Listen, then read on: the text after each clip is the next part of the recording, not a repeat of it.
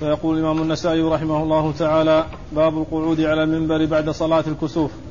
قال أخبرنا محمد بن سلمة عن ابن وهب عن عمرو بن الحارث عن يحيى بن سعيد أن عمرة حدثته أن عائشة رضي الله تعالى عنها قالت إن النبي صلى الله عليه وسلم خرج مخرجا فخسف بالشمس فخرجنا إلى الحجرة فاجتمع إلينا نساء وأقبل إلينا رسول الله صلى الله عليه وسلم وذلك ضحوة فقام قياما طويلا ثم ركع ركوعا طويلا ثم رفع رأسه فقام دون القيام الأول ثم ركع دون ركوعه ثم سجد ثم قام الثانية فصنع مثل ذلك إلا أن قيامه وركوعه دون الركعة الأولى ثم سجد وتجلت الشمس فلما انصرف قعد على المنبر فقال فيما يقول إن الناس يفتنون في قبورهم كفتنة الدجال.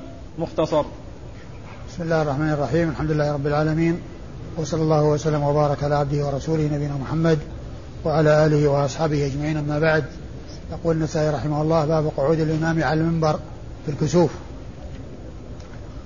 آه، مراد النسائي من هذه الترجمة هو وجود آه، الخطبة من رسول الله عليه الصلاة والسلام بعد صلاة الكسوف وقعوده على المنبر. والقعود يحتمل أن يكون جلس ويحتمل أن يكون قائما أو أنه حصل منه جلوس ثم حصل قيام والمعروف عنه عليه الصلاة والسلام أنه كان يخطب قائما وسيأتي في الاستسقاء أنه جلس على المنبر ومعلوم أنه عليه الصلاة والسلام إنما كان يخطب قائما ويرفع يديه ويبالغ في الرفع أي في الكسوف في, الاستسقاء. فهنا فيه التعبير بالقعود وهو الذي جاء بالحديث ويحتمل أن يكون آه، على ظاهره ويحتمل أن يكون المراد بذلك أنه آه، صار إلى المنبر وخطب الناس والمعروف من عادته عليه الصلاة والسلام في خطبه أنه كان يخطب قائما صلى الله عليه وسلم. وقد أورد النسائي حديث عائشة أم المؤمنين رضي الله تعالى عنها وأرضاها وقد مر في بعض الطرق المتقدمة وأورده هنا لما اشتمل عليه من ذكر القعود على المنبر. وهو أيضا يدل على أن الكسوف حصل ضحى أن الكسوف للشمس حصل في الضحى. وفيه صفة صلاة الكسوف على الهيئة المعروفة الثابتة عن رسول الله عليه الصلاة والسلام التي هي آه، التي هي ركعتان في كل ركعة واحدة ركوعان وسجدتان. وفيه من موضوع الخطبة أن الناس يعذبون أن الناس يفتنون في قبورهم كفتنة الدجال. وقد مر آه، أحاديث أو طرق متعددة عن عائشة وغيرها وفيها جزئيات من تلك الخطبة أو قطع من تلك الخطبة وهي بمجموعها تكون كثيرة. ولكنها متفرقة في الأحاديث وكل حفظ ما لم يحفظه الآخر وكل أثبت ما لم يثبت الآخر وبعضها اتفقت عليه الروايات لا سيما ما جاء فيه من قوله إن الشمس والقمر آيتان من آيات الله لا ينخسفان لموت أحد ولا لحياته. آه، فإذا رأيتم ذلك فصلوا وادعوا حتى ينكشف ما بكم. وقد وأما إسناد الحديث فيقول النسائي أخبرنا؟ محمد بن سلمة. أخبرنا محمد بن سلمة وهو المرادي المصري وهو ثقة ثبت خرج حديثه مسلم وأبو داود والنسائي وابن ماجه. يروي عن آه ابن وهب وهو عبد الله بن وهب المصري ثقة أخرج حديثه أصحاب الكتب الستة. يروي عن عمرو بن الحارث المصري وهو ثقة فقيه أخرج حديثه أصحاب الكتب الستة. يروي آه عمرو بن الحارث عن يحيى بن سعيد. عن يحيى بن سعيد الأنصاري المدني وهو ثقة من صغار التابعين أخرج حديثه أصحاب الكتب الستة. يروي عن عمرة بنت عبد الرحمن بن سعد بن زرارة الأنصارية تابعية أكثرت من الرواية عن عائشة وهي ثقة حديثها عند أصحاب الكتب الستة. تروي عن أم المؤمنين عائشة رضي الله تعالى عنها وأرضاها وهي عائشة الصديقة بنت الصديق آه، أم المؤمنين آه، أكثر آه، الصحابيات حديث على الإطلاق وحديثها وهي واحدة من سبعة أشخاص من أصحاب رسول الله عليه الصلاة والسلام عرفوا بكثرة الرواية عنه عليه الصلاة والسلام ستة رجال وامرأة واحدة الستة هم أبو هريرة وابن عمر وابن عباس وأبو سعيد الخدري وجابر بن عبد الله الأنصاري وجابر بن عبد الله الأنصاري وأنس بن مالك رضي الله تعالى عن الجميع. وأما المرأة فهي أم المؤمنين عائشة رضي الله تعالى عنها وأرضاها. وهذا الإسناد فيه ستة أشخاص نصفه الأعلى مدنيون وهم عم وهم يحيى بن سعيد الأنصاري وعمرة وعائشة. ونصفه الأسفل مصريون وهم آه، محمد بن سلمة المرادي وعبد الله بن وهب وعمرو بن الحارث. فنصفه الأدنى أو الأسفل مصريون ونصفه الأعلى آه، مدنيون نعم. وقال رحمه الله تعالى باب كيف الخطبة في الكسوف قال أخبرنا إسحاق بن إبراهيم قال حدثنا عبده قال حدثنا هشام بن عروة عن أبيه عن عائشة رضي الله تعالى عنها قالت خسفت الشمس على عهد رسول الله صلى الله عليه وسلم فقام فصلى فأطال القيام جدا ثم ركع فأطال الركوع جدا ثم رفع فأطال القيام جدا وهو دون القيام الأول ثم ركع فأطال الركوع وهو دون الركوع الأول ثم سجد ثم رفع رأسه فأطال القيام وهو دون القيام الأول ثم ركع فأطال الركوع وهو دون الركوع الأول ثم رفع فأطال القيام وهو دون القيام الأول ثم ركع فأطال الركوع وهو دون الركوع الأول ثم سجد ففرغ من صلاته وقد جلي عن الشمس فخطب الناس فحمد الله وأثنى عليه ثم قال إن الشمس والقمر لا ينكسفان لموت أحد ولا لحياته فإذا رأيتم ذلك فصلوا وتصدقوا واذكروا الله عز وجل وقال يا أمة محمد إنه ليس أحد أغير من الله عز وجل أن يزني عبده أو أمته يا أمة محمد لو تعلمون ما أعلم لضحكتم قليلا ولبكيتم كثيرا. ثم ورد النسائي هذه الترجمة وهي كيف الخطبة؟ يعني آه، كيف تكون الخطبة؟ وما هو موضوع الخطبة؟ وعلى أي شيء تشتمل الخطبة؟ آه، خطبة الكسوف آه، كما جاء في الروايات المختلفة تتضمن ما يتعلق بالمناسبة وهو حصول كسوف الشمس والقمر ولكن ذلك ليس على ما هو معلوم بالجاهلية وما معتاد في الجاهلية من أن أنهم يعتقدون أن الكسوف لموت العظماء وإنما هو بأمر الله عز وجل وتدبيره وتصرفه في الكون كيف يشاء فإن الشمس والقمر مخلوقان من مخلوقات الله وآيتان من آيات الله يصرفهم الله كيف يشاء فهو يجري فهو يجعلهما مضيئين يستفيد الناس من ضوئهما وإذا شاء أن يطرئ أن يجري أن يطرئ أن يطرأ عليهم التغير وتحول حالهما من إضاءة وإشراق إلى اسوداد وعدم ظهور النور فهو سبحانه وتعالى على كل شيء قدير. فهو آه، الخطبة تتعلق بالمناسبة وبيان أن الشمس والقمر آيتان من آيات الله لا ينخسفان لموت أحد ولا لحياته. وتشتمل أيضا على بيان آه، كونه رأى الجنة والنار وعرضتا عليه وهو يصلي بالناس الكسوف ورأى عناقد العنب متدلية وأراد أن يأخذ عنقودا فترك ولو أخذ منه لأكل الناس ما بقيت الدنيا إلى نهاية الدنيا. وهذا يدل على الترغيب في نعيم الآخرة والاستعداد لذلك بالأعمال الصالحة. ثم أيضا آه، بيان آه، التخويف من النار وما شاهده فيها وأنه رأى فيها المرأة التي تعذب بسبب الهرة التي حبستها لا هي أطعمتها وسقتها ولا هي تركتها تأكل من خشاش الأرض وكذلك رأى فيها سارق المحجن الذي آه، يسرق الحجيج بمحجنه وهي العصا المحنية الرأس. فإذا فطن له الناس قال علق بمحجني وإذا لم يتنبه له الناس أخذه ومضى. ورأى كذلك صاحب آه، سارق بدنتي الرسول عليه الصلاة والسلام اللتين أهداهما إلى الحرم ورأى فيها آآ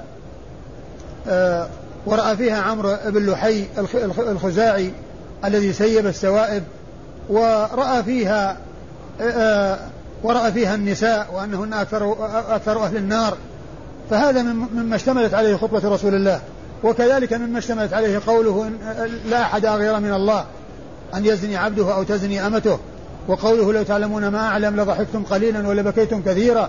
كما جاء في هذه الرواية وقد سبق أن مر في بعض الروايات الأخرى. وأن فيه إثبات الغيرة لله عز وجل على وجه يليق بكماله وجلاله.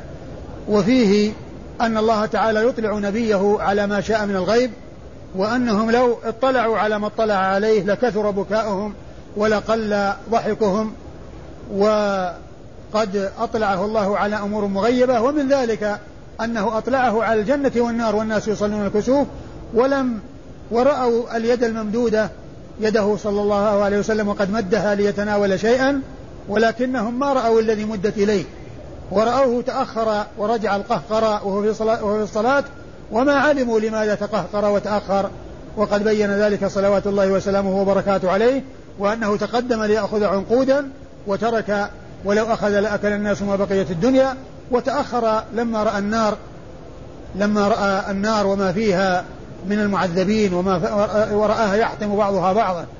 فهذا مما اشتملت عليه خطبة رسول الله عليه الصلاة والسلام.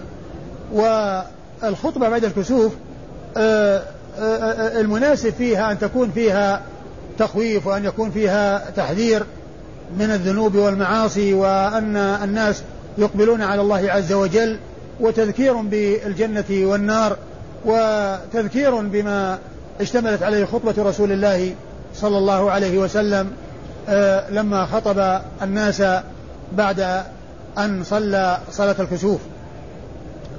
وأما إسناد الحديث فيقول النسائي أخبرنا إسحاق بن إبراهيم. أخبرنا إسحاق بن إبراهيم بن مخلد بن راهوية الحنظلي المروزي وهو ثقة ثبت أخرج حديثه أصحاب الكتب الستة إلا ابن ماجه وقد وصف بأنه أمير المؤمنين في الحديث وهي من أعلى صيغ التعديل وأرفعها ولم يظفر بهذا اللقب إلا جماعة قليلون آه، منهم آه، إسحاق هذا والثوري وشعبة والبخاري والدار قطني وآخرون هم قليلون وصفوا بهذا الوصف الذي هو من أعلى الأوصاف وأرفع صيغ التعديل.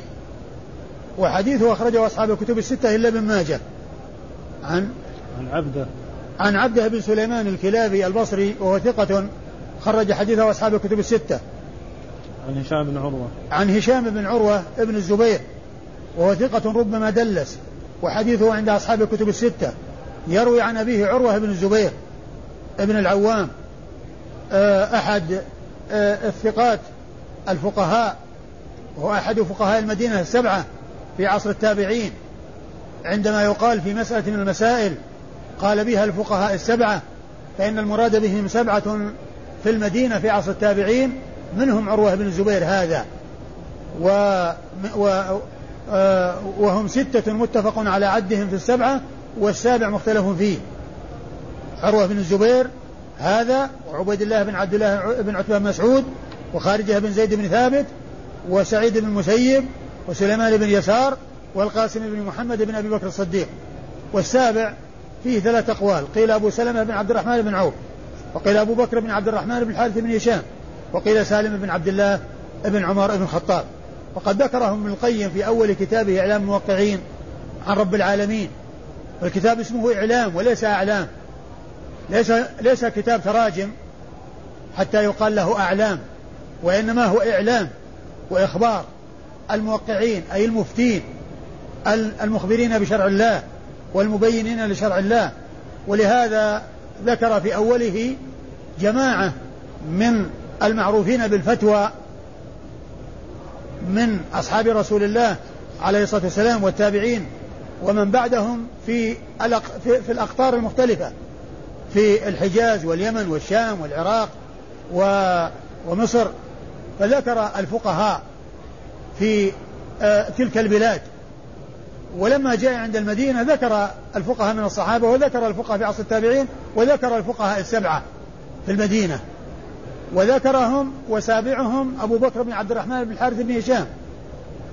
سابع الفقهاء السبعة عن على ما ذكره ابن القيم أبو بكر بن عبد الرحمن ابن الحارث بن هشام. ثم ذكر بيتين من الشعر. البيت الثاني يشمل الفقهاء السبعة. وهو قول وهو آه وهو قول الشاعر إذا قيل من في العلم سبعة أبحر روايتهم ليست عن العلم خارجة فقل هم عبيد الله عروة قاسم سعيد أبو بكر سليمان خارجة. سبعة أشخاص ذكر أسماءهم الأولى. ذكر أسماءهم في هذا البيت. فقل هم عبيد الله عروة قاسم سعيد أبو بكر سليمان خارجة. السابع أبو بكر بن عبد الرحمن بن الحارث بن هشام على أحد الأقوال. آه وحديث عروة ابن الزبير بن العوام أخرجه أصحاب الكتب الستة. يروي عن خالته عائشة أم المؤمنين. يروي عن خالته عائشة رضي الله تعالى عنها وقد مر ذكرها. نعم. وقال رحمه الله تعالى أخبرنا أحمد بن سليمان قال حدثنا أبو داود الحفري عن سفيان عن الأسود بن قيس عن ثعلبة بن عباد عن سمرة رضي الله تعالى عنه أن النبي صلى الله عليه وسلم خطب حين انكسفت الشمس فقال أما بعد. ثم أورد النسائي حديث سمرة بن جندب وفيه أن النبي عليه الصلاة والسلام قال أما بعد. والحديث سبق أن مر وفيه ثعلبة بن عباد البصري وهو مقبول وروايته آه، لا يعول عليها إلا إذا اعتقد.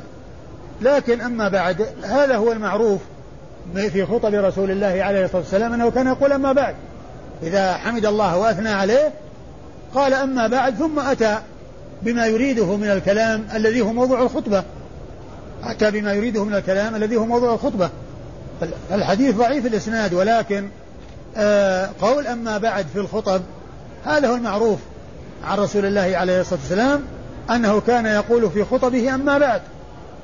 يعني بعد أن يذكر الحمد والثناء على الله عز وجل بما هو أهله الذي هو آه مقدمة الخطبة وافتتاح الخطبة عندما يدخل في الموضوع يقول أما بعد فإنه كذا وكذا. والإسناد يقول أخبرنا أحمد بن سليمان وهو الرهاوي وهو ثقة حافظ أخرج حديثه النسائي وحده. عن أبو داود الحفري. عن أبي داود الحفري وهو عمر بن سعد. عمر بن سعد الكوفي وهو ثقة عابد أخرج حديثه مسلم وأصحاب السنن الأربعة. عن سفيان. عن سفيان وهو الثوري. سفيان بن سعيد بن مسروق الثوري ثقة ثبت حجة إمام فقيه وصف بأنه أمير المؤمنين في الحديث. وحديثه عند أصحاب الكتب الستة. عن آه الأسود بن قيس الكوفي وهو ثقة أخرج حديثه أصحاب الكتب الستة. عن ثعلبة بن عباد البصري وهو مقبول أخرج حديثه البخاري في خلق أفعال العباد وأصحاب السنن الأربعة. عن عن سمرة. عن سمرة بن جندب صاحب رسول الله عليه الصلاة والسلام وحديثه عند أصحاب الكتب الستة. ها؟ عباد عباد. إيه بالكسر. يعني يأتي عندكم كثيرا عباد. نعم. وهذا خطأ. هذا خطأ. يعني آه يعني يحذف آه، الفتحة والتشديد اللي على الباء. وهي عباد. وقال رحمه الله تعالى الأمر بالدعاء في الأمر بالدعاء في الكسوف. قال أخبرنا عمرو بن علي قال حدثنا يزيد وهو ابن زريع قال حدثنا يونس عن الحسن عن أبي بكرة رضي الله تعالى عنه قال كنا عند النبي صلى الله عليه وسلم فانكسفت الشمس فقام إلى المسجد يجر رداءه من العجلة فقام إليه الناس فصلى ركعتين كما يصلون. فلما انجلت خطبنا فقال إن الشمس والقمر آيتان من آيات الله يخوف بهما عباده وإنهما لا ينكسفان لموت أحد فإذا رأيتم كسوف أحدهما فصلوا وادعوا حتى ينكشف ما بكم. ثم أورد النسائي والدعاء في الكسوف. فالمقصود من هذا ان أنه عندما يحصل الكسوف يحصل الدعاء في الصلاة وفي غير الصلاة. في الصلاة وفي غير الصلاة. وقد أورد النسائي حديث أبي بكرة نفيع بن الحارث الأنصاري رضي الله تعالى عنه أن النبي عليه الصلاة والسلام لما كسفت الشمس قام مسرعا يجر رداءه قام قام يجر رداءه من العجلة. يعني هذا فيه أن جر الرداء أنه كان عندما قام مسرعا من العجلة وإذا رداءه يسحب. يعني يصل الأرض لأنه يعني قام مسرعا. والنبي عليه الصلاة والسلام جاء عنه النهي عن جر الثياب وعن عن إطالة الثياب. وقال ما أسفل من الكعبين فهو في النار. ولكن قوله هنا من العجلة يفيد بأن هذا الجر حصل بسبب العجلة الرداء عندما يقوم يعني يكون طرفه في الأرض فيسحبه حتى يتناوله بعد ذلك ويجعله على كتفيه ويسحب وينتهي الجر. لكن كونها أسرع وقام مسرعا ورداءه غير آه، مستقر على كتفيه صار يجره. ولهذا قال من العجلة يعني يجر رداءه من العجلة مو معناه أنه كان يطيل الرداء وأنه يجر رداءه وأن عادته كذلك لا. وإنما كما هو معلوم عندما يكون الإنسان جالس ثم الرداء غير مستقر عليه ثم يقوم مسرعا فإنه يكون طرفه يسحب في الأرض.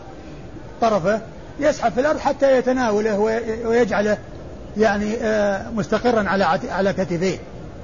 وهنا قوله من العجلة يفيد بأن هذا الجر حصل بهذه المناسبة المفاجأة التي حصل فيها حصول الكسوف وأنه قام مسرعا عليه الصلاة والسلام. ثم صلى بالناس وخطبهم آه الخطبة وذكر أنهم إذا حصل أنهم يصلون ويدعون حتى ينكشف ما بهم والمقصود من ذلك إثبات الدعاء في الكسوف في الخطبة وفي غير الخطبة. وأما إسناد الحديث فيقول أخبرنا عمرو بن علي أخبرنا عمرو بن علي هو الفلاس لقبه الفلاس وهو محدث ناقد ثقة حديثه أخرجه أصحاب الكتب الستة. عن يزيد وهو ابن زريع. عن يزيد وهو بن زريع البصري وهو ثقة ثبت حديثه عند أصحاب الكتب الستة وكلمة هو ابن زريع الذي قالها من دون عمرو بن علي لأن عمرو بن علي ما زاد في روايته على قوله يزيد. عمرو بن علي ما زاد في روايته على قوله يزيد. لكن النسائي أو من دون النسائي هو الذي أتى بكلمة هو بن زريع وذكر نسبه وهو بن زريع وأتى بكلمة هو حتى يعلم بأنها ليست من التلميذ وإنما زادها من دون التلميذ وهذا من عناية المحدثين ودقتهم وأنهم إذا زادوا شيئا من أجل التوضيح فيأتون بالشيء الذي يدل على أنه ليس من التلميذ. ولو أنه قا ولو, ولو أن ولو أن من دون آه من دون آه التلميذ قال آه أتى به قال يزيد بن زريع لفهم أن هذا كلام التلميذ. والتلميذ هذا ما قال يزيد بن زريع قال يزيد فقط. لكن من دونه أتى بالتوضيح وأتى بكلمة هو. ومثلها كلمة يعني التي تأتي في بعض الروايات. عن قال حدثنا يونس. قال حدثنا يونس وابن عبيد البصري ثقة ثبت أخرج حديثه أصحاب الكتب الستة. عن الحسن ابن أبي الحسن البصري ثقة فقيه يرسل ويدلس البصري وحديثه عند أصحاب الكتب الستة. عن سمرة بن جندب بن جنادة صاحب رسول الله. عن أبي بكر. عن أبي عن أبي بكر. عن أبي بكر نفيع بن الحارث نفيع بن الحارث صاحب رسول الله عليه الصلاة والسلام وحديثه عند أصحاب الكتب الستة. قال رحمه الله تعالى الأمر بالاستغفار في الكسوف. قال أخبرنا موسى بن عبد الرحمن المسروقي عن أبي أسامة عن بريد عن أبي بردة عن أبي موسى رضي الله تعالى عنه قال خسفت الشمس فقام النبي صلى الله عليه وسلم فزعا يخشى أن تكون الساعة. فقام حتى أتى المسجد فقام يصلي بأطول قيام وركوع وسجود. ما رأيته يفعله في صلاته قط. ثم قال إن هذه الآيات التي يرسل الله لا تكون لموت أحد ولا لحياته ولكن الله يرسلها يخوف بها عباده. فإذا رأيتم منها شيئا فافزعوا إلى ذكره ودعائه واستغفاره. ثم أورد النسائي هذه الترجمة وهي الاستغفار في الكسوف. الاستغفار هو من الدعاء لأن الدعاء عام ويدخل فيه الاستغفار لأن الاستغفار طلب المغفرة وطلب المغفرة دعاء. وهنا التنصيص عليه من ذكر الخاص بعد العام. ولهذا جاء في الحديث نفسه ذكر الله ودعائه واستغفاره. واستغفاره هو من الدعاء. واستغفاره هو من ضمن الدعاء. إلا أن الدعاء عام والاستغفار خاص وهو جزء منه. فهذه ترجمة بعد الترجمة السابقة أخص منها. لأن الدعاء يشمل الاستغفار وغير الاستغفار. وأما الاستغفار هو نص في الاستغفار وهو طلب المغفرة من الله عز وجل. وقد أورد النسائي في حديث أبي موسى الأشعري رضي الله عنه الذي فيه حصول آه أنه لما آه انكسفت الشمس قام مسرعا يخشى أن تكون الساعة. يخشى أن تكون الساعة أن تكون الساعة قامت وأن أن الساعة ستقوم. وقوله يخشى أن تكون الساعة يحتمل أن يكون هذا عن علم عن رسول الله وأنه يخشى ويكون ذلك قبل أن يعلم بالأمور التي آه، تكون بين يديها ومعلوم أنها لم تقع أو أن و ومثل ذلك ما جاء في قصة الدجال وأنه قد يخرج فيكم يعني آآ آآ أن يخرج وأنا فيكم فأنا كذا. وإن لم يخرج فكل حج نفسه. يعني معناه أن الرسول ما كان يدري يعني شيء عن وقت خروجه. ثم إنه أطلع على ذلك. فيحتمل أن يكون النبي صلى الله عليه وسلم ما كان علم بتلك المقدمات التي تكون بين الساعة وهي لم تقع. ويحتمل أن يكون أن يكون هذا من الراوي أو الصحابي يعني ظن ومعلوم أن ظنه يعني آه آه منه ولا ولا يلزم أن يكون ما ظنه يكون صحيحا. فقد يظن شيئا ولا ولا يكون صحيحا. والرسول صلى الله عليه وسلم ما كان يخشى أن تقوم الساعة فهو يحتمل أن يكون الخشية حصلت من الرسول صلى الله عليه وسلم وأبو موسى على علم بذلك أو أنه حصل منه الظن أنه يخشى أن تكون الساعة.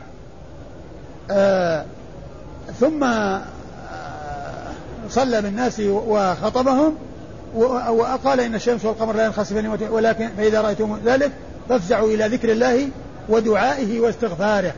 والمقصود من الترجمة هو قوله واستغفاره وهو من ذكر الخاص بعد العام اللي هو الاستغفار.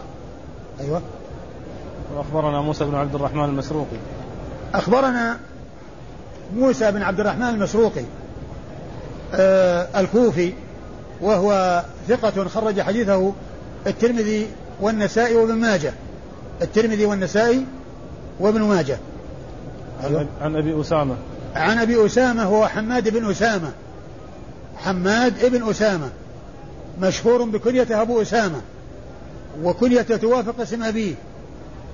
وقد عرفنا فيما مضى أن هذا نوع من أنواع علوم الحديث. وهي معرفة من وافقت كنيته اسم أبيه. وفائدة معرفة هذا النوع أن لا يظن التصحيف بأن يظن أن ابن صحفت إلى أبو فيما إذا قيل حماد بن أسامة أو حماد أبو أسامة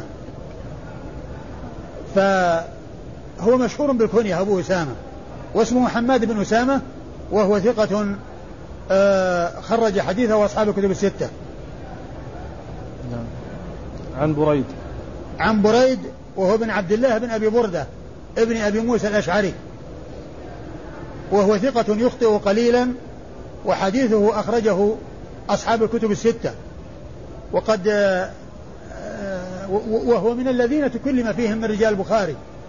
وقد أورد الحافظ بن حجر آه، ترجمته في مقدمة الفتح وذكر ما قيل فيه وقال إن أحمد قال له أحاديث مناكير. ثم قال الحافظ بن حجر والإمام أحمد وغيره يطلقون المناكير على الأفراد المطلقة.